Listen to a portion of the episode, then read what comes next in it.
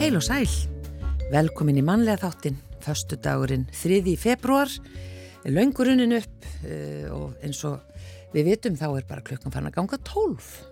Já, uh, við ætlum að fara aðeins aftur í tíman og skoða hvað við gerst á þessum degi, uh, 3. februar 1483. Þorleifur Björnsson, hirðstjóri, komið lið til Reykjóla þar sem að Andris Guðmundsson hafi búið um sig í virki. Menn Andrisar skutu úr bissum að mönnum Þorleifs svo að eitt fjall en margir særiðust og hinnir þurft að leita sér skjóls í kirkju og innan fára daga varð Andris þó að gefast upp. Víkur kirkja í Reykjavík var vígð af Stefáni Jónssoni Skálholts biskupi 1505. Íslandsbanki hinn eldri varð gjaldróta á þessum degi árið 1930. Nokkrum vikum síðar tók útvegsbanki Íslands hann yfir. Já. Hótel Ísland við aðastræti brann til kaldrakóla á þessum degi 1944 og eitt maður fóst í þessum bruna. Svo er það þessum degi árið 1959 sem að eftir þessu lægi The Day the Music Died eða dagurinn þegar tónlistin dó það er að rockstjórnunar Buddy Holly, Ritchie Valens og The Big Bopper fórust allir í sama fluslisinu. Littla brekka við Suðurgötu í Reykjavík síðasti torfbær borgarinnar var rifin á þessum degi 1981 og þar bjó Eðvar Sigursson alþingismadur. Hugsaður síðasti torfbær borgarinnar og hann var bara rifin. Hann hefði mátt standa Ójá. Já, á Suðurgötu, já. Og svo var það fárviðri. Já. Er það ekki sem gekk yfir Ísland? Jú, jú, það er þessi árstími árið 1991 fárviðri gekk yfir Ísland og var mikið eignatjón sterkasta vindkviða sem mælst hefur á Íslandi þar sé allan á þessum tíma Já. 237 km á klukkustund mæltist í Vestmanni. Já, nú vantur okkur Elinu til þess að færa þetta yfir í metrana. Já, og, og líka hvort að þetta hafi hérna, verið sleið síðan Alveg öruglega. Já, Ímynda í mér. já, við tölum um kuldametundaginn sem að var e, talsveit gamalt og núna eftir að, að hún sagði okkur að eftir að hitamælarnir voru nýjir hérna settir í Reykjavík sem eru neðar þar sem í dal Mm. Þá er, hefur hvert kuldameta fættur öru verið sleiða þetta er bara, það verið þannig aðstæður Já. í, í þessum dal þar sem að kuldamærin er eða hitamærin Og nú er bara gul viðvörun á Já. öllu landinu sínist mér, maður sjá? Nei ekki, nei, ekki alveg. Ekki á norðaustur og austurlandi.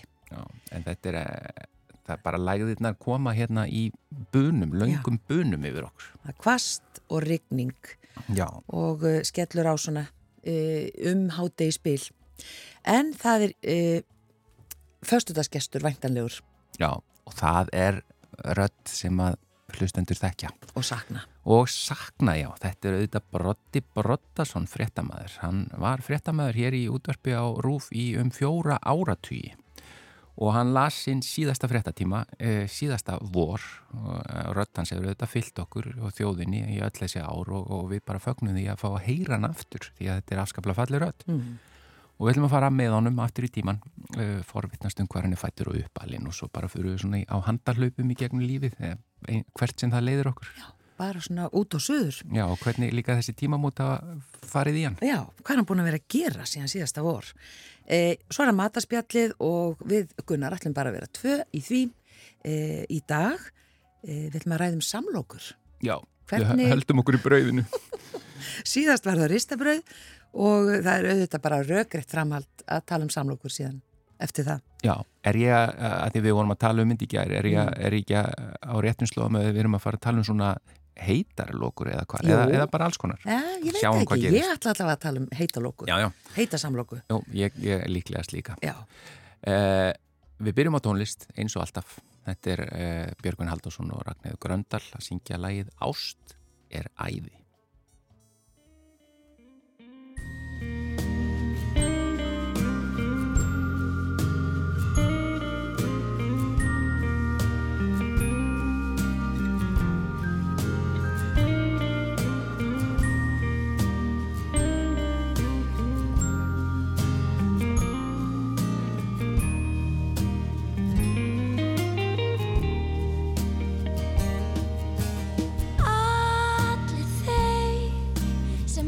Elskað hafa ljá.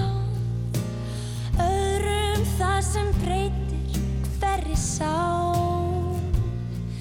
Þekkja þennan grýtt að veg sem þrautin agaleg Veikir lífsins vilja og vandar má Maður fellur, samt flýgur, sig ávalt með stígur. Þessi tilfinning sem engum yfir sást. Er ég hugsað um þig, hvernig fetum þennan stig. Þetta flókna fyrir bæri, það er ást. Brosandi sólinn blíkandi regn heldur mér fögnum en ert mér um megn. Ég er að sjá, þú ert alltaf mér hjá. Ást er æði.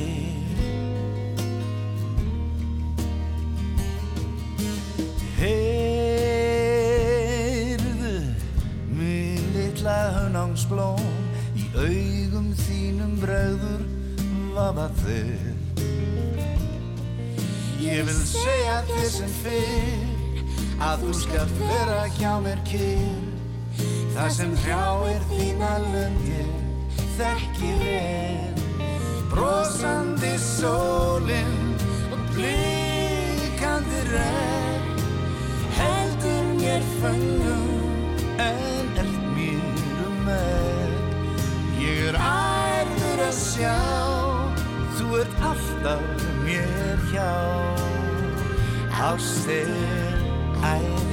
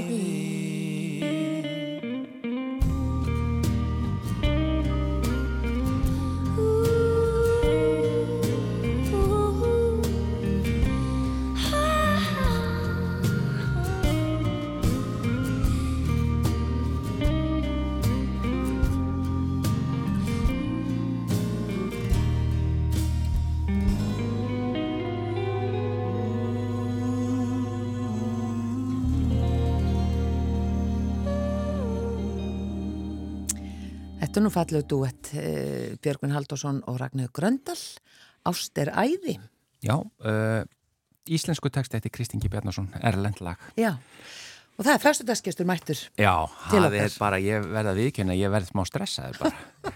að ég er búin að hlusta á þessa rödd svo lengi og, en, og það er svo gott að heyra hann aftur. Brotti Brottason, verðu velkomin og takk fyrir að vera förstaskestur mannlega þáttarins í þetta sinn.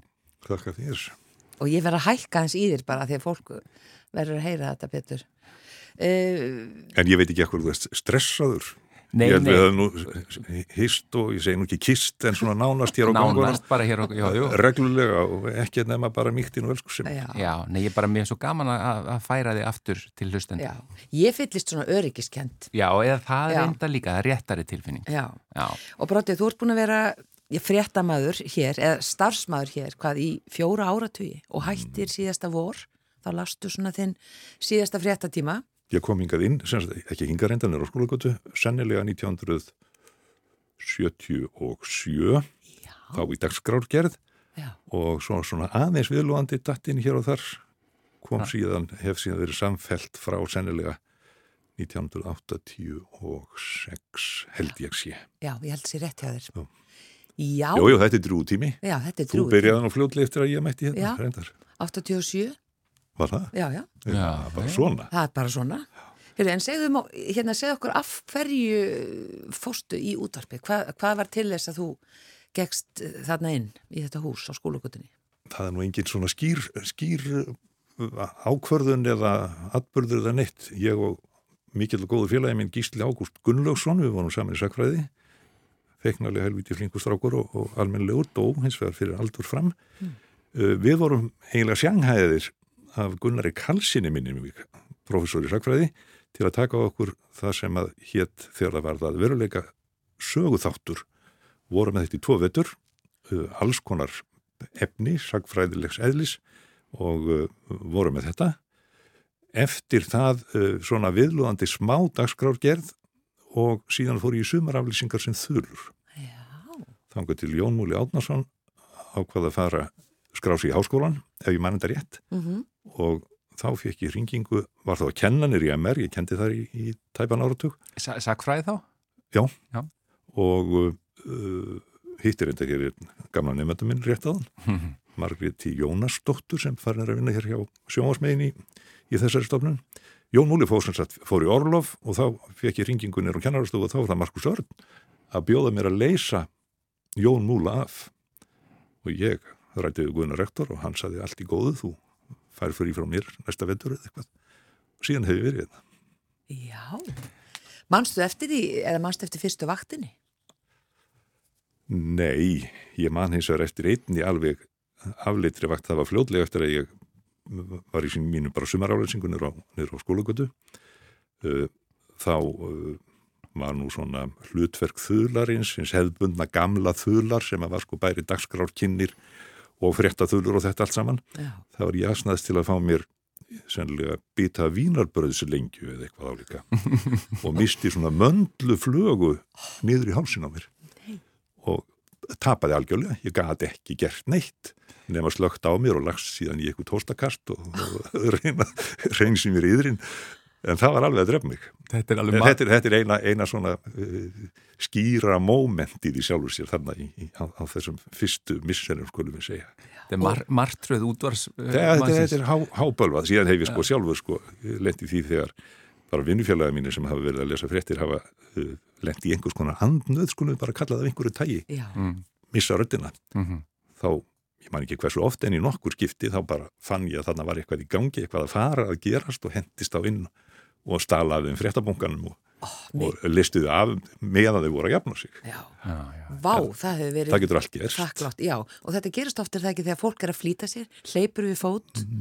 Jú, það náttúrulega er, er, er það vittlusasta sem maður gerir. Heldur hefur maður örlítla þögn heldur en að koma sprengt móður og þurfa að, af því að þú ræður svo mjög illa við það. Já. Maður bara kunna þetta, bara steinhalda kæfti í 20 sekundur og taka þessar djúbu öndurræningar, hafa maður nokkurt veginn sloppin fyrir hótt. Já. Hlustundur geta alveg beðið í örfáar sekundur. Það er miklu betra að píða Já, nokkrar en að á. heldur, en að, heldur en að sko yfirmanni vofi döðsfalli í þessari bein útsendingu. Já, já. Þetta er alveg, alveg hræðilegt, en þetta hefur hent marga, af því þetta er bara, Þetta Dálítil kemur, kemur nánast fyrir hvert, hvert sem er og maður tala nú ekki um í svona fréttalestur eins og er núna á klukktíma frestið að menn gleyma sér einfaldi já, og, tak, og taka sprettin. Já. Þá bara gildir, nei, heldur þögnina ganga.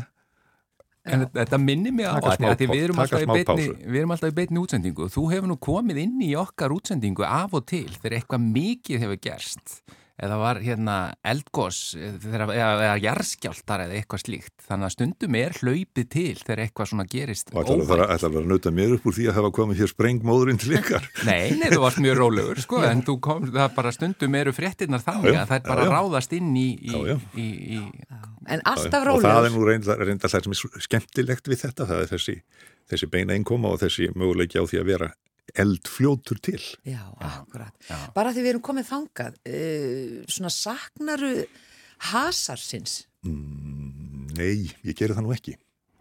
Og ekki það ég hafi sótt í hann í sjálfur sér, sko. Þetta var bara, þetta ægslaðist þannig margra hluta vegna að ég var í, var í þessu. Ég sakna stöku tilvika bara því ég er heima hlust á frétnar. Helvíti væri nú gaman að, að vera í þessu, sko, ekki í, í útvarpin endilega, heldur bara að reyna að fara að grafast fyrir um, um framvindu einstakara fréttamála. Já, já, það væri daldi gaman núna bara þessi ófriður í kringum sko. Já, Það er svona kýtlað með þess. Ég var sem sagt, meðan ég var, það bara óbreyttur fréttamaður, sem var náttúrulega stóð lengi, lengi, þá var ég mjög mikið í, í kjaramálum. já, Á eitti heilu nóttonum sko, inni í húsækjunum Sáttasemjara, sem var í, í hérna, hvar var hann nú fyrst? Já, hann var komið þarna eftir, eða bara hjá, hjá hérna, inni á gabli hjá vinnuveitendarsambandinu sem hétt svo í, í Garðarstrætinu var þannig útsendingar sko inn í fréttatíma klukkan 7 á modnana var það að niðan úr kjallara Hékkst Í- á í- húninum? í, gegnum, gegnum sín, nei, ég var niðri, ég var Já. inni hjá þeim já, já, já. en, en annars vegar var ég í þessu mjög mikið og löggu og bóa ég var heilmikið í, í löggumálunum Já, já, já. Eh, það kveikir ekki eins í mér núna þótt að séu alls konar st st st stórkallaleg glæpamál í gangi já. Þannig hitt svona, svona kveikir meira í þér. já, það er svona já, það er, það er, það er allt ön, annar fílingur sem að þau tala nú eins og nútífamaður að í, í fyrrvinnu heldur en í heldur en í löggumálunum Já. En í þeim tilvíkum eins og við allir í annari fréttamennsku þá er grundvallar atriði fyrir utan það að hafa hausinlegi, það er að vera sæmilega tengdur. Hafa aðgang að einhverju fólki sem tristir manni og þú verður þá um leið sjálfur að trista viðmælandanum Já. og það er eiginlega grundvallar atriði í svona, Já. í slíkri vinnu. Og það er samband sem svona kemst á, er það ekki bara smátt og smátt? Jú, eða bara allt í einu. Það var ágetur alþingismadur sem ég hafði, maður stútfullur af fordómum, sko alltaf bara, gagvart öllu og öllu. Ég hafði enga sk- skoðun á þessum þingmanni nema heldur negatífa. En einhverju hlutu vegna þá ákvaði ég að ringi þennan mann og spyrja hann út í eitthvað hvort hann geti leiðbeitt mér eða linsinn mér. Og þá bara kemur ljós að hann var svona anskoti almennilegur. Og síðan töluðum við saman í, í, í nokkur skipti og, og um hluti sem ekki áttu að hátta að fara en hann bara tristi mér og ég tristi því að hann væri ekkert, ekkert að plata mig Já. Já. og svo er gríðarlega mikilvægt líka þegar maður er af því að það er sko í, í þessum uh, loggumálum skulum við kallað, maður er alls konar laga refjar af, af, öllu mögulegu tægi hinn og þessu þá átti ég ágættan ég ætla að nafngreina hann uh, hérna, sérstakann lögfræðilega ráðgjafa minn lengi, lengi. Það var Jón Steinar Gunnlaugsson. Já. og alltaf gaf hans í tíma. Ég alltaf og alltaf, bara þegar hann gata allavega. Og anskoti liðlegur og eldfljótur að hugsa og umfram það sem að margir aðrir svona uh, personur í þessari stöðu, hann var svo kaldur hann sagði, farðu bara í þessa grein þarna í þessum, þessum lagabalki og þessum og þá finnur þetta eða hann sagði bara, þetta er alveg klart svona lítur þetta út þá var ég annarkvort að treysta honum 100% eða fara svona varlega í túlkun mína á einhverjum, einhverjum málum Já. en það eru svona kallar og konur sem er mjög mikilvægt fyrir fréttamenn að hafa, hafa aðgangað. Já. Og að þú nafngreinir hann, viltu Já. nafngreina alþingismannin sem var svona Nei, ég er ekkert að því. Nei, nei. Ekkert að, ég ætla ekki að fara, fara ekkert ykkur gagvart hverjum ég var stúdfullur á fordóðum. Ég ætla að plata þig. Nei, það gengur ekki. nei, nei. Já, já, en þetta er líka eins og þú segir að það þarf að vera gagkvæmt tröst sem það þarf að byggja upp. Þetta gengur ekki öðruvísi nefnilega. Já, Ekki þessi tegund að vinnu, svo náttúrulega annað bara það er að grafa við- þegar einhverjar, einhverjar hérna, hamfarir, manni hvort var núna áður en við tölum það saman. já, þá er, það, er maður bara að leita plain upplýsingar sem að e- ekki neitt sko, engin feluleikir í kringum. Það er miklu frekar í, í einhverjum rannsóknum sem eru í gangi, það verður að vinna skýrslur eða, eða dómsmál eða ég tala nú ekki um kjaramálaþvarkið sko. Og það var erfiðara sko að, að mörguleiti af því að þar eru eins og í pólitíkinu bara þar eru hagsmunutnir svo, svo berlegir sko Já. og þá er maður alltaf með, alltaf með varan á sér. En nú er búið að fjalla svo mikið um það undanfarið og undanfarin ár að það sé meiri svona polarisering eða hérna að það sé harðari fylkingar sikkoru megin og, og minna tröst á millið þeirra. Hefur þú fundið fyrir því í starfi sem fréttamaður að, að það sé til dæmis skakvart ykkur uh, í, í starfi að það sé minna tröst frá uh, stjórnmálafólki? Nei, Nei. ég hef ekki fundið það en það hefur alltaf verið hins vegar sko. Já, það var bara, það sem að segja það bara hreint út, útvarpið var einhvers konar koma díki og meðan sjónvarpið var einhvers konar íhaldspittur og þetta svona londi við og einstaklingar á báðum víkstöfðum náttúrulega með alls konar skoðanir af hinn og þessu og það gerir ekki til meðan maður lætur þeir ekki sko þvælast fyrir sér Já, Ég talaði um fordóma á þann, það getur við alveg hægt að kalla það bara einhvers konar fítn orði og kalla það skoðanir. já, já. Ég get haft einhverja tilteknar skoðanir á ykkur, en ekki, kannski ekki mjög vel ígrundaðar. Því, En ég finn það ekki í, í, í, í rauninni að, að, að tröstið eða, eða afstafa þeirra sem við erum að fjalla um og fást við hverju sinni, það hafi tekin einum stórfældum breytingum. Mm. Eða það var alltaf kom, kom, kom alltaf upp öðru hverju, sko, maður að vera í samskiptu við einhverja menn, yfirleitt einhverja heldur kvimliða pólitíkusa sem sturtuðu yfir mann alls konar djöfusins leðindum og þá gildir bara að, að hérna, taka því og láta, láta sig hafa það. Ég man eftir einu tilviki bara þar sem var, vil nú ekki nafngreina hann heldur, Sómakall, hann ringdi, þá var hér nýlega byrjaður starfsmæður í strákur í sumaraflýsingum eða, eða nýlega byrjaður. Og hann hafði gert eitthvað sem hinnum líkaði ekki. Og þessi stjórnmálaskurungur ringdi mig og vildi að ég færa ættfæran hvaðan úr helvítur hann kæmi þessi strákdjöfull og, og, og hafi stór orð heldur ljót og ég hugsaði bara örstuðt og saði svo hann, heyrðu, já, þú ert í þessum takti, þá skulum við bara tala saman á sömu nótum. Og ég bara svo harðanum sjálfur fullum hálsi með sama djöfusin dónaskapnum og hann hafi sínt mér, svo kvöttust við bara með virtum, þetta bara svínvirkaði hjá okkur báðum í rauninni. þurfti bara aðeins að blása út. Já, hann, já, neini, honum mislíkaði eitthvað vel í fullir alvöru, sko, Já. en Já, hann já. tók því ekki dýla þótt ég talaði við hann alveg með sama frundaskapnum og hann hafði styrtaði yfir okkur. Svara bara sömu mynd, Já. já. Og kunni bara að meta það held ég. Á, Já, en að þú minnist á ættfræði, e, svona bara örstutt, ekkert örstutt, ég veit ekki hvað að segja örstutt, en Nei. hérna, hvaðan, hvaðan ertu?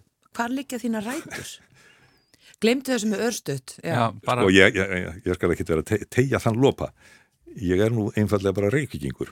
Þótt ymsir vinnufélaga mínir finnst ég vera svo mikill sveitamaður og, og, og forneskið kall halda alltaf að ég sé einhvers konar skagfyrringur. Það er að því að ég á rætur meðal annars í skagafyrð og hef á þar meiri rætur heldur en annars. Það er annars er ég bara fættur í Vesturbænum á Margotinu og bjósuðan inn í laugar, laugar ás laugar neskverfi í götur sem heitir Sporðagrunn.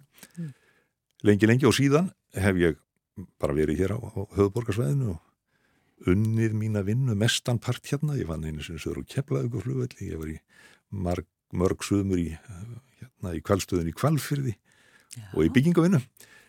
En annars er ég bara reykvíkingur úr venjulegri, venjulegri normal held ég fjölskyldu í bænum. já. hva, hvaða skóla gekst í og, og, og það? Ég var einn vetur í Laugarnes skóla, þá var eftir sjórabekk sem það hétt, þá var Laugar lækjarskóli komin í gagnið og þar var ég alla mína skólatíð og ég veit ekki hvort það er óvenjulegt en mér svona, eftir á hekja finnst mér aldrei merkilegt. Herdís Sveinsdóttir heitir hún, hún er rétt tvítug, útskrifast úr kennaraskólanum, sennilega voru 1959 þegar ég fyrir sjórabekk og kennir mér og mínum félögum, bekkjasískinum, allan tíman fram í 12 ára bekk. Já. Bekkurinn tekur tilturlega litlum breytingum svo sem eins og bekkir gera annars en, en þarna er, er, er krakkahópur með sama kennaran og kennari með sama krakkahópin allan þennan tíma. Þetta er löguleikaskóli, svo fer ég í landspróf neyri vonarstræti, Gaggo Vest sem var kallaður þótt hann hafi uh, fyrir tíð verið, verið annar staðar í bænum og svo var ég í Hamralíðaskólanum og síðan í, í hérna, háskólanum og læriði þar dálítið í sakfræði og ögn í guðfræði. Já, býtu af, hérna, í MH, hvað, hvað gerður þar? Tókstu þátt í kórnum eða leik, Nei, ég leiklistinni eða? Ég tók ekki þátt í kórnum. Nú er brottið að veifa hérna fólki sem er að, það er allir bara á, Það er að kíkja? það er allir að kíkja Nei, á því? nei, Já. ég hef aldrei verið í kór, aldrei, aldrei leiklist. sýnt nokkur í músík. Ég, ég var uh, kosin og ég veit ekki það hverju það var að því ég fór, ég þekkti tiltölulega fáa í hamrlegaskólanum þegar ég fórðangað. En ég lendi þar í rítnemnd og var viðlóðandi þess háttar og fyrir utan bara venjuleg félagstörf af, af ymsu tægi og, og, og skarkala gang. Þá var það rítnemndar, rítnemndar vinnan sem var nú það helsta sem að einhverju máli skipti. En að því þú segir sko að ég við ætlum bara sleppa lægi að því að svo gaman að Já. tala við ég bara, mér langar ekki til þetta lægi? Já. Nei, en hérna að því þú sagði að það verður svona hálger tilviljum hvernig þú hefur endað inn í útvarpinu og þú, og þú ferð í sagfræði hvað svona, manstu hvað, hvað langaði þig að verða? Þegar ég var krakki. Já, Og, og svona þegar þú ferð að þróast Ég var að segja, ég var að segja hérna, ég var að fyrirgefa að ég er, ég rámar að lægi í dag, Ég En- líka, þannig að allt er læg. Ég var reynd að segja að dóttu sinni það um daginn, hann, þe- þetta barst í talið mitt. Hvað langaði því að verða þegar þú var strákur? Mér langaði að verða fuglafræðingur Já, og mér langaði að verða jarðfræðingur. Þetta sé mjög einfaldar og svona lógiskar skýringar á því. Eh, Það var eitt fuglafræðingur í landinu sem að einhverju máli skipti fannst manni og var aðalkallin í þeim bransa. Það var Finnur nokkur Guðmundsson, sá sem síðar gerði frægan leiðangur eftir gerfuglinum sem keftur á til landsins fyrir ofjár einhver tíman á, á, liðinu öll. já, já. Hins vegar er náttúrulega, það er Elgós í Öskju 1961 og uh, síðan brestur á Surtsegargós 63 sennilega og þa þá er aftur svona, þetta var sennilega síminn minn að láta mig vita af einhverju stillingakerfi. Ég, ég veit ekki alveg hvað hann er að gera. Allt í góðu. Sigurður Þórainsson og, og ég hugsaði síðan bara þessar personur og það sem þeir voru að þást við hverju sinni sem að vakti þennan áhuga minn. Svo fjaraði hann út. Ég held að hann var ekki síst verið vegna þess að ég uppgötvaði það þegar ég var eldri en 10 og 12 ára að maður þurfti að læra einhver helvíts fyrni af efnafræði eða lífrætna efnafræði og öðru slíku. Það var ekki mín dild þá hvarf áhugin. ekki á, ekki á þessum fræðum Nei, í nei, sjálfu nei, sér, sko. ég er enn al, alveg logandi í áhuga af, af, af, um, um jarðvísindi og, og ekki síður fugla. Og það er, ég talaði um sérsvið hér áðan sem ég hefði sint sérstaklega. Verkalýsmál og, og, og hérna Og og, þjóvar, og, og dómsmál og annað, annað þess áttar sko. Mhm. fyrir utan allt hitt svona sem að til það eru fuglafréttir. Já, það er óskaplega þakklátt, þakklátt starf og þakklátt yðja já, uh, og þar var í upphafi minns ferils hér var Margrét E. Jónsdóttir, mikil sómakona, hún syndi fuglafréttum talsvert, svo kom sá höfuðsnillingu sem nú er orðin metsölu höfundur á bókamarkaði Þorvaldur Friðriksson, áhafa maður um keltneskfræði. Hann var líka mikil, mikil fuglarspekulant og fugla skrýbend á frettstofunni. Ég er, ég mætti Georg Magnúsin hérna framfjóðan já, sem búin að vera tæknimaður og, og starfmaður útvarsins sko næstum því tvöfalda starfsæfi okkar guðrunar og hann segir hann við mig og þeir fóru að flauta hér saman tveir tæknimenn, mannstu þeir í flautaði lóuna fyrir þig? Já, það var fyrir ekkert mjög löngu síðan, ég man ekkert að einhver frétt, einhverja lóufréttir og mér vantaði, vantaði lóusöng Já. ló, ló, þetta þína dýrin dý. Og til, í stað þess að fara að gramsa í einhverjum segurböndum eða tölvum þá bara kipti í gogga. Hann er svo flinkur að, flinkur að flauta. Og svo var lóufréttin flutt og, og lóan söng en Georg Magnús var afkynntur. Nú já, já, það, það var ekki þannig að fólk held þetta hefði verið Jú, jú, þetta var alveg eins nú, nú. og hann er alveg eins og alveg lóa. Já, en það var að láta njóta þessara hæfileika sinna og greina frá því hver hefði flauta já, gott að vita. hver lóan var. Mm, En að, að því við erum búin að tala svolítið um sko, ég meina, og það er það sem að þannig þekkir þjóðinni, það er röddin að því þú ert alltaf búin að vera í útvarpi ekki satt? Hérna, uh, hvernig er, að því sko þessi rödd er náttúrulega mjög auðþekkjanleg þannig að þú væntanlega lendir mjög mikið í því að fólk bara, já, heyrðu ég þekki þig, bara að því að heyra þig tala. Já, já, það kemur alltaf fyrir öðru hverju. En uh, ég verð- ég verð að segja bara alveg eins og er að uh, svona á fjölmönnum mannamótum í, ég segi nú kendil í fiskbúðinni en bara í bónus og, og hverju fjandarinn sem er þá reyn ég nú að brína ekki röstina Já, Já. notar ekki útvarsröddina. Nei, ég er ekkit að, að beita henni bara til þess að verði ekki fyrir einhverjum svona minniháttar, alltaf minniháttar áriti. já. En hvað segir fólk? Er þetta ekki Brotti Brottason? Segir fólk það? Jú, jú, eitthvað, eitthvað er þessa áttina. Já, Horfir á mann, halló, þekki ég ekki þessa rödd? já. Er eitthvað álíka? Já, Og svo kannski erfitt að panta tíma hjá læknum og svona. Ég þóru nú alltaf að segja það núna, ég hafði talað um lækna. Ég átti erindi á, á, á læknastofu, ekkert alveg þarfverðinni, bara í fyrradag held ég að verið og þurfti að ringja þangað aftur. Og það svarar mér einhver kona í síman og, og hérna, ég heyri ekki hvernig hún kynni sig eða afkynni eða hvernig það nú var. Og ég eins og Asni kynni mig ekki, spyr hvort ég geti náð sambandi við aðra hvora þessara konu sem ég hafi verið í samskiptum við þarna. Og það kemur eitthvað skrítið viðbragð hínum megin á línunni og enda með því að ég áttaði mig á því að ég er sennilega að ringja í vittlust númer og sé það á, á ég er með sem sagt númeri skráð einhver staðar og ég sé í hvað ég hef ringt og ég sé akkur anskotin og nefni tölun af 520 eða 540 eða 44 eða eitthvað. Og heyrðu þetta er bara vittlust númer. Fyrir ekki að við bara verðum að tala saman sinna svo líkur þessu samtali og ég ringi aftur í rétt númer og klára það mál. Og er blóðin aðeins verðin að gefa sér sko með aldrei og Björg og kona mér spyrir mér bara hvaða vesins gangur var þetta í símanu, heyrði eitthvað ómenna þess að ég var að syngja í vittlust núman eins og stundum kemur fyrir mig. Og ég sætti ekki á hugmyndu við hvernig ég hefði verið að tala. Nei. en ákvað þar að tekka á því og googlaði þetta bara slóðu nú þá hafði ég ringt á forsitaskrifstofuna var, var aðeins hikandi hvort ég þetta ringja aftur til þess að, að forsitaskrifstofuna held ekki að þetta veri hriðjiverkamaður sem hefði verið að tekka á símasambandinu sem hljómaði alveg eins og Brotti Brottarsson Já, en ég var svo dónleg, ég kynnti mig ekki þegar ég, þegar ég spurði eftir þessum konur sem ég átti erindi við. Það var kannski eins gott í þessu tilfelli að þú gerir það ekki, að þú kynntir þið ekki. Jú, jú, það, það hefði ekki gert mér neitt. Þetta var gott, einmitt, þannig að þú ert með mörg símanúmer, heyri ég.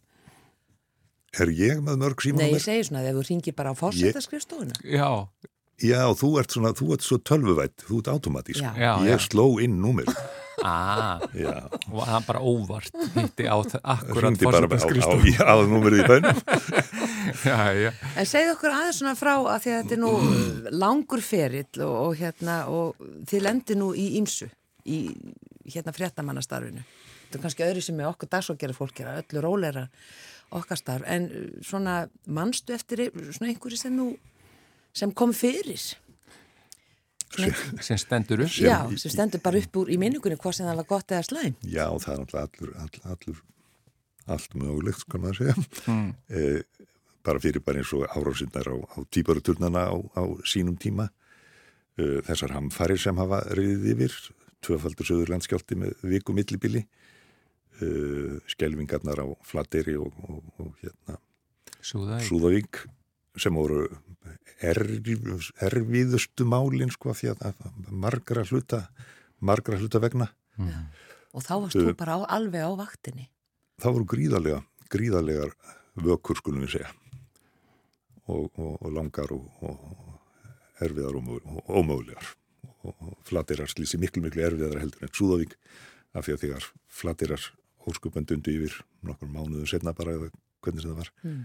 og uh, þá vissi maður hvaða skelvingar hafðu eða svona rendi mjög í grunn hvað var í gangi sem maður vissi ekkert í, í Súðavík það var sambandið var miklu verra, upplýsingarnar voru stopulli og, og allavega þannig að en frá fyrstu stundu í hinnu tilvíkjunu setna, flóðinu þá vissi maður hvað, hvað var að gerast. mm.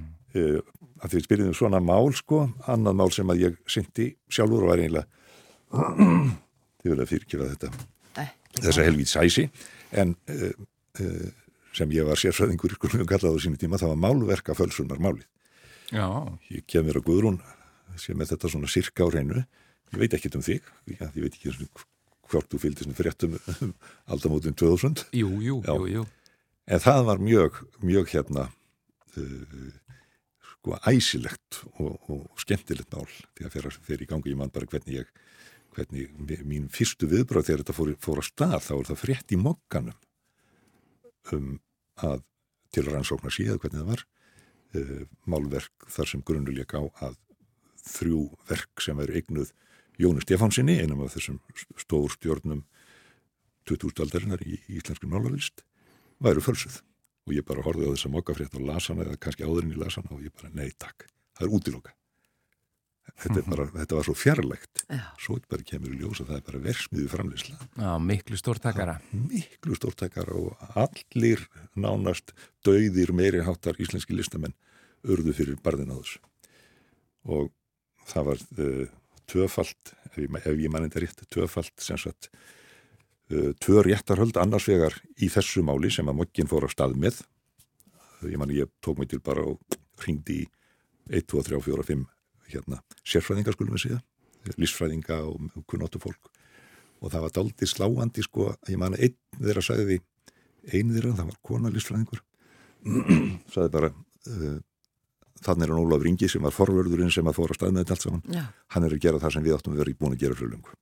En hvað er það? Það gengur dómur í, í, í, í máli, þessu þryggja myndamáli, síðan fyrir í gang mál þar sem að hundrað myndir eru, eru settar undir eða hundrað og tvær, hérastómur sakveldi í málinu, hæstir eftir vísaði því frá, vegna þess að það var, það bara klúður í, í rannsókninni og vinnunni, að listasafni Íslands átti mynd eða myndir, kannski eða tvær, í þessum kærubunkastóra, en starfsmenn eða starfsmæður listasafsins höfðu komið að sem einhvers konar sérfræðingar í mati á öðrum myndum.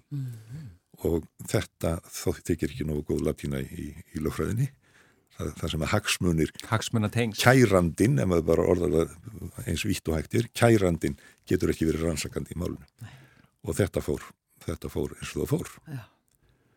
og fullt af myndum út um allar trissur. Af, föls, af fölstuðu myndum í umferð Þetta hefur verið spennandi mál eins og segir þú bara lest þetta fyrst sem grein og svo bara ferða ég bara, fylgis ég bara, eftir bara, og frétt, þetta ég bara frétti í mókanum og svo náttúrulega þetta var svo sem í öllum viðlum en við syndum þessu anskoti vel á, á hérna fréttastofu útvars Já. já, eftirminnilegt mál. já, mjög E, hvað ertu að gera í dag? Hvernig er að vera hættur að vinna? Ég ætla að segja áðan og sagði þetta hvernig er að hvað þetta gerir til hvað kemur þér það við. ég er ekki að gera neitt sérstækt í sjálfu sér. Ég er ekki, ég er ekki svona hobbykall. Ég er ekki í, í, í golfi eða flugunhýtingum og öðru slíku þótt ég stundi veiðiskap talsvert sko.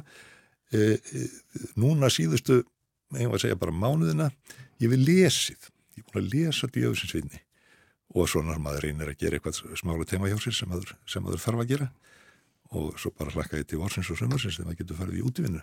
Já, í gardinn. Mm, Já, eða, eða Norður Skagafjörð. Já, hvað er þar? Eh, Þar var ég í sveit hjá föðurbróðurum mínum og hans góðu konu og Jóhannes frenda mínu sinni þeirra sem er aðeins eldri en ég. Alla mína bensku, alveg frá því að ég er sex ára, þá var ég öll sömur fram til svona 13, 14, 14 ára aldurs kannski. Þar fyrir utan þá uh, reisti pappi sér kofa í landi Silvartaða sem þarna er, sem við endur nýjum síðan uh, 1974-567 og þar er skórætt og þarna eig, þetta, þennan kofu eigum við sískinni núna og þangað sæki ég býsna mikið. Já, þanga leitar hugurinn. Mm, já, það er allt í lagi að orða það þannig.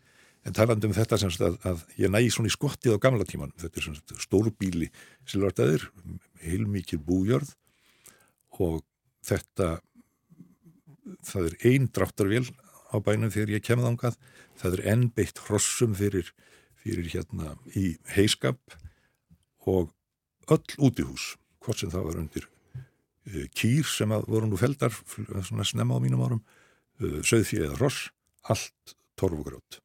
Það var ekki einasta, einn einasti braggi eða, eða skemma eða, eða stift hús á þessum bæ. Sem var þó engin, engin sko smábær. Nei. Og þannig að þið sváfuð eh, bara í torbæ. Nei, nei, ég er að tala, ég segi, ég, ég, ég sagði ekki fólk. Ég sagði kýr, hestar og kýr, hross og, og sögði ég. Nei, nei, nei, reysulegt hús. Gamli, gamli, gamli torrbærin stóð þarna. En talandi þess að sko, hvað tíminn er absúrt í sjálfu sér. Ég var að skoða mynd af, af móður langafa mínum og fjölskyldu hans sem er tekin vestur Ísafjörðadjúpi. Þetta er skafæringarnir, forfriðið mínir eru bændur af- af ýmsu tægi en þetta er svona embætsmannalið og, og klerkar og, og fínir ísmenn talsveit mikið þar. Það er mynd af, af uh, uh, heimilisfólki í Vassfyrði í Svaradjúb þar sem prófastunum bjó og hann situr á hlaðinu með allan skaran, það eru vinnukonur og það er snikkari og það er smiður og það eru vinnukonur og, og það eru börnin og það eru þau gamli hjónin og þetta allt saman. Já, og ég fór að skoða fótabúnaðinn. Það er hver einasti maður. Engin undantekning. Þetta er árið 1906 á Söðskinskum Já, það er ekki einasta stífvél sjáanlegt hvað þá einhverjir blankskór hugsa sér. það, er er ekkert mjög langt síðan Nei, það er það mjög er langt ekki síðan. lengra síðan. Þetta er svo magna og þetta var náttúrulega auðvitað svo ótrúlega mikil bylting að fá- verði ekki alltaf votur í það lappirnar. komast í já. Brotti Brotason, bara þakka þér innilega fyrir að koma og vera förstaskestur mannlega þáttarins í þetta sinn. ég bara þakka, þakka ykkur fyrir og bara gaman að sjá okkur aftur Já, takk sem leiðis og bara fáði kaffi, ég bara sé hér bara út undan að... Að biðröð að tala Já, þig. það bara vilja allir heilsu upp á því. Takk fyrir komina. takk sem leiðis Hello, baby. Yeah, this is the Big Bopper speaking. Sweet thing. Do I want? Will I want? Oh, baby, you know what I like. Chantilly lace and a pretty face and a ponytail hanging down, a wiggle in the walk and a giggle in the talk.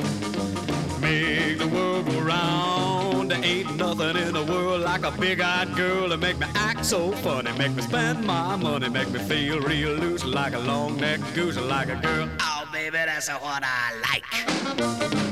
What's that, baby? But, but, but, oh, honey.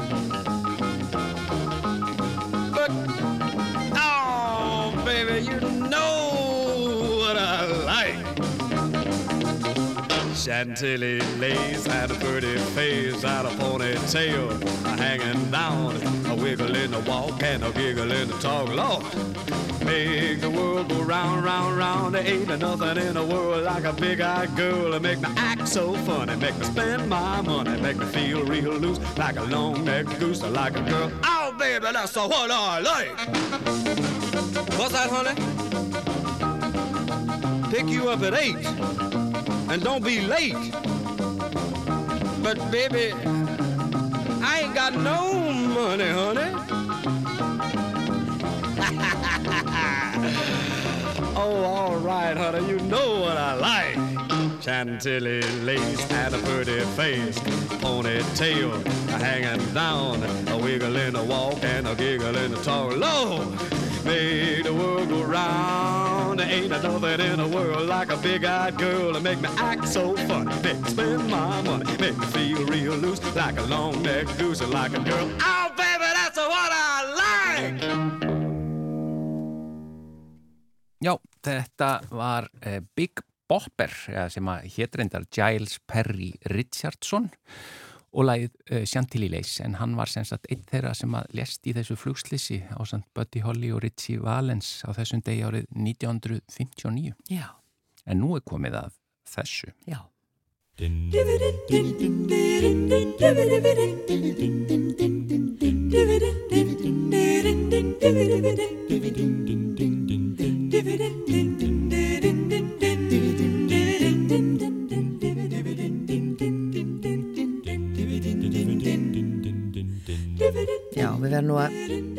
eiginlega byrja bara á því að hryggja hlustendur á því að Sigurli Margrit er ekki með okkur í dag, ekki þetta sinn ekki þetta sinn. E, og hún er svo sannlega fjarrri góðu gamni í þetta sinn Já, að því hér verður go- gott gaman já, ég skil. Já. En það er alltaf með hana, sko. Já, já, já, já, hún, algjörlega hún er bara í fríi. Já, já, En e, við ætlum nú bara að tala um, síðast tölum við um ristað brauð og þá var nú Sigurli með okkur og fengum alls konar viðbröð já og okkur fannst rökrétt að fara yfir í samlokurnar úr ristaða brauðinu. Þetta er svona, Heit, heitu ja, samlokurnar. þetta er svona þróun hjá okkur Já, Eh, Við erum búin að, ég er að átta með á því, það er búið að vera svona svolítið brauð þema í þessari viku. Við erum búin að vera með tvö efni tengt bakari. já, þannig að við erum ekkert í takt við samfélagi sem það sem allir eru í einhverju, einhverju átaki og, og borða lítil uh, kolvetni. Við erum bara ekki þar.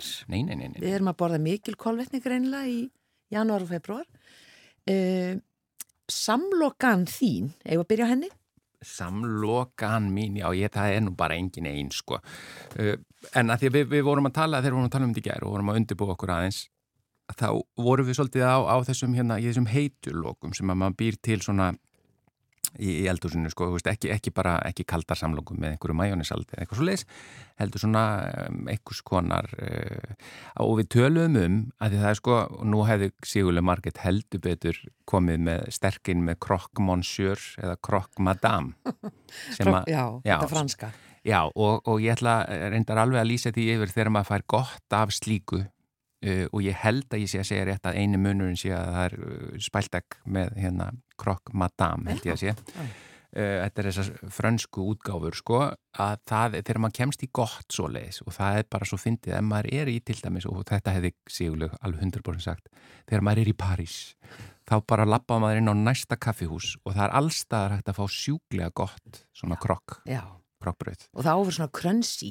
Já, Maður færða stundum hér svona bara úr örbylgjunni sem er ekki já, er á bara lengt einstaka kaffihúsum, já. Já, nei, en þá, þá er akkurat, þetta er nefnilega aðeins tengt minni bestu loku því að ég, og, og hún hefur þróast, sko, þú veist, auðvitað að því þegar ég kynnti samlokugrill í fyrsta sinn, það var bara ást við fyrstu sín því að það breytist allt hérna, að geta sett bara skinku og ost eða jafnvel bara ost og, og í samlokugrill það bara var uh, Stórkostlegt. já, er ekki líku saman að jafna þó að við höfum verið að tala mjög vel um ristabröði síðustu viku sko. Já, og, og, og átta sig, þú veist, svo fer maður í gegnum alls konar tímabili að hafa tómatsósu til að dífi og, og svo kom pítusósan pítur svo Já, ég bara fatta núna hva, hver, hver þróunin hefur verið þú veist, og það var ekkit alltaf til skinka heima og það var bara það ostur stundum Já, svona. já, sem er líka bara frábært. en það sem ég hef lært til þess að gera svona, þú veist, og til dæmis af krokkmonsjur og krokkmadam uh, það er þetta með hvað smjörið er mikill hluti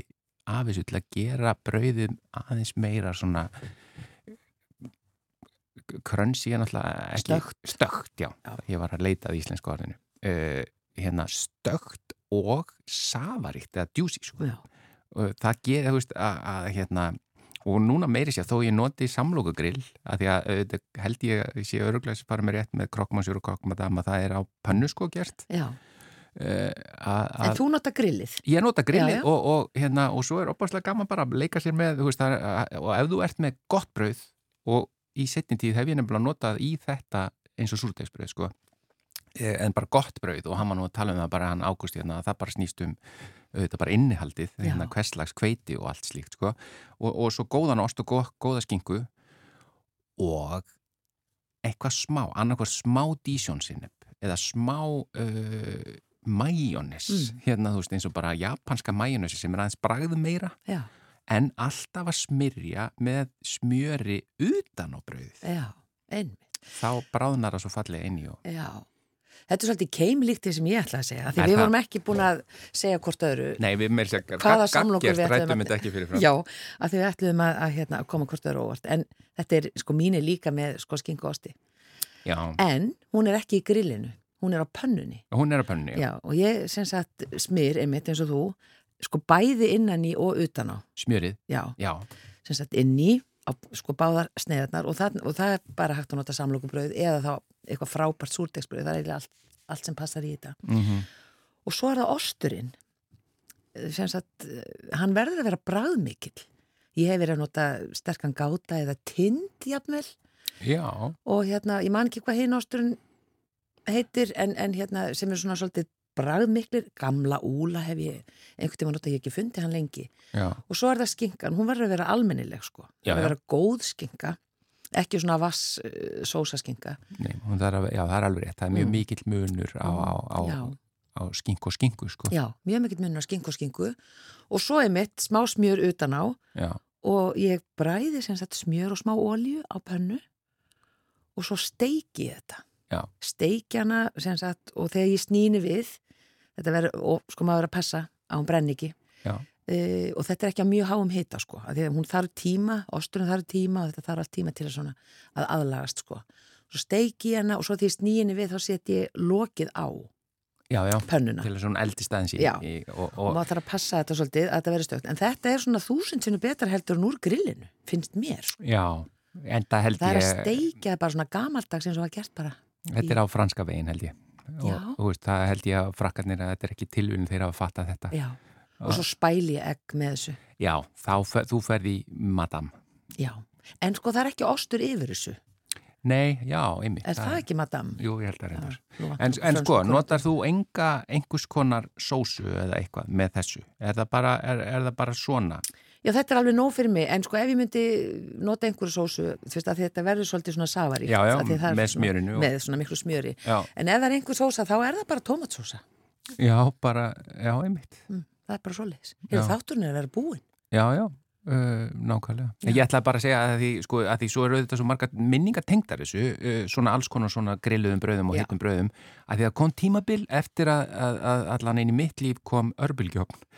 Þá vo- voru gerðar með ímsa tilhörni með grillaða, eða að segja, örbylgjuofn hitaða samlóku. Já. Það er ekki gott tímabil. Það það var hérna, þá fengum við einmitt það sem þú varst að tala um þegar hún verður bara svona mjúk og blöð. Gufu, gufublaut. Já, og maður setti þetta í svona plastpoka eða, já, eða, opum, eða bara á disk sko og þetta var ekki sérstaklega en, en þetta, og svo voru auðvitað íslensku hérna grilluðu samlokunar þá var þetta líka að fá, þú veist það var þetta að fá með skinkosti en svo var þetta að fá með annarkort ananas eða með aspas. Já, þetta, þetta er mjög einfalt allt en þetta var, eh, veist, gerður notaður eitthvað slíkt? Nei en í sko gamla daga þá voru þetta bara saumaklúparéttir, þá voru bara svona brauðsneðar settar á, settar í optskúfu, ég man bara eftir þessu úr saumaklúp hjá mömmu Já. og þá voru settar hérna, það var ananas eða einmitt aspas og skinka og ostur og, og, og hérna þetta var bara alveg svakara gott og er auðvitað ennþá maður ætti eiginlega bara að prófa þetta aftur en það er bara svona ein sneið og svo er semst allt sett ofan á og ostur efst semst yfir Já. og svo er þetta bara sett undir grillið Já, í því- opninu þetta er auðvitað, þetta er til dæmis auðvitað náttúrulega svolítið skilt eins og bara pítsu þú veist, Já, að, að hérna að setja svona í opn og, og þú veist, við gerum þetta líka bara oft bara einmitt svona opna, ekki samlóku heldur bara opið brauð með annarkot skinku osti eða bara osti og tomatsósu eða eitthvað, þá er þetta orðið bara næstu því þannilega þó þetta séu þetta annars konar brauð, já, en þá líka er, ég meina börni mín hafa leikið sér mikið með að ég myndi að setja annarkort hérna pepperoni eða eitthvað á svona brauð. Þú veist, og þetta er bara þetta er Þetta allt voða rosalega einfalt Já, en, ég hef aldrei átt hef alltaf, Aldrei átt Nei, örbylgjuofn? ég hef bara alltaf haft á trú að þetta sé stór hættulegt Stór hættulegur geislar Já. En svo las ég grein um daginn Það sem kom fram, ég dekti hvort þetta er satt eða ekki Mm.